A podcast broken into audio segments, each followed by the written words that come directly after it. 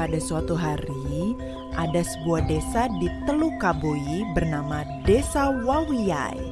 Di sana hidup sepasang suami istri. Mereka sudah lama menikah, namun belum juga dikaruniai anak. Namun, suami istri tersebut tak pernah putus asa.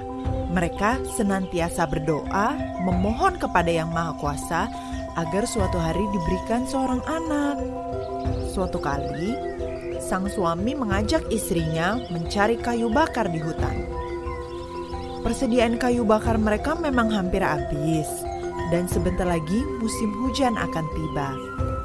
Jika tak segera mencari kayu bakar, maka mereka tidak bisa memasak selama musim hujan karena kayu-kayu di hutan akan menjadi basah dan tidak bisa dinyalakan untuk memanaskan tungku. Kita harus segera mencari kayu bakar sebanyak-banyaknya istriku. Maukah kamu bantuku hari ini masuk hutan? Tentu saja, aku akan membantumu mengumpulkan kayu bakar. Keduanya segera bersiap-siap berangkat. Ketika matahari masih di ufuk timur, mereka pun berjalan ke tengah hutan. Entah mengapa, hari itu tidak banyak kayu yang bisa dikumpulkan. Sampai dengan tengah hari, belum cukup juga kayu untuk dibawa pulang. Setelah beristirahat sejenak, mereka melanjutkan pekerjaannya dan berjalan semakin jauh hingga sampai ke tepi sungai Waikeo.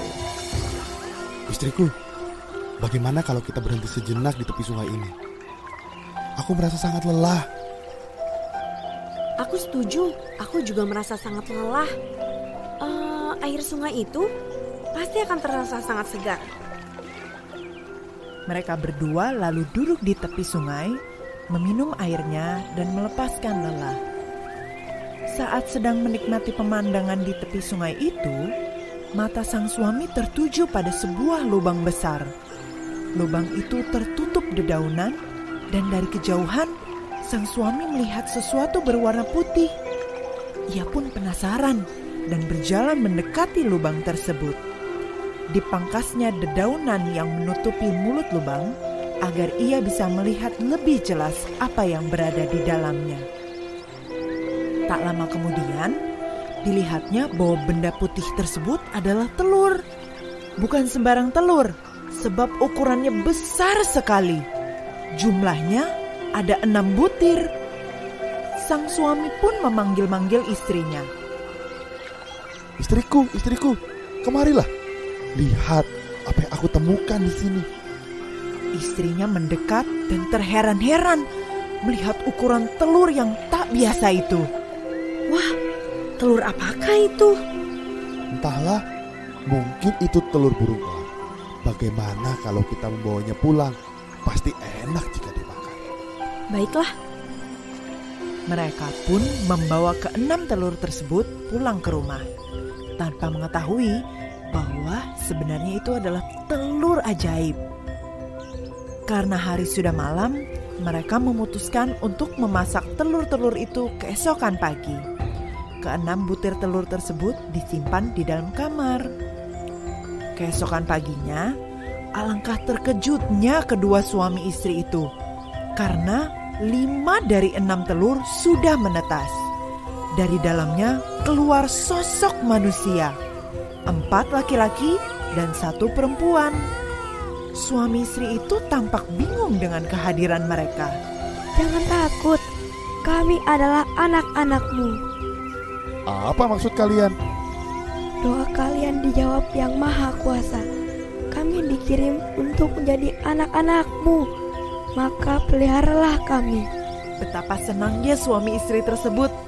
Mereka pun menamai keempat anak-anak laki itu. Yang pertama bernama War, kedua Betani, ketiga Dohar, dan keempat Muhammad. Sedangkan untuk anak perempuan diberi nama Pintole. Seiring berjalannya waktu, kelima anak ini tumbuh dewasa dan menjadi anak-anak yang baik.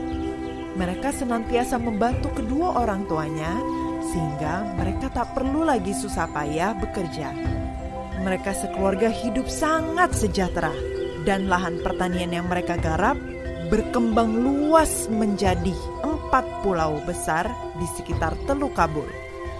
Sayangnya, ada sebuah kejadian membuat keluarga tersebut malu.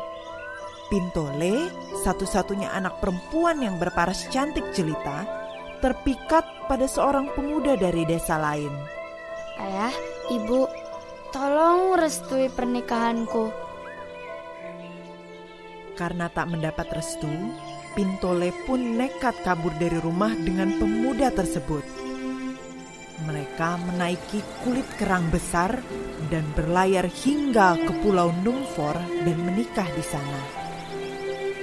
Tinggallah keempat kakak laki-laki Pintole yang masih hidup bersama dengan orang tua mereka. Tahun terus berganti dan ayah mereka semakin tua. Sebelum ajalnya tiba, sang ayah membagi warisan.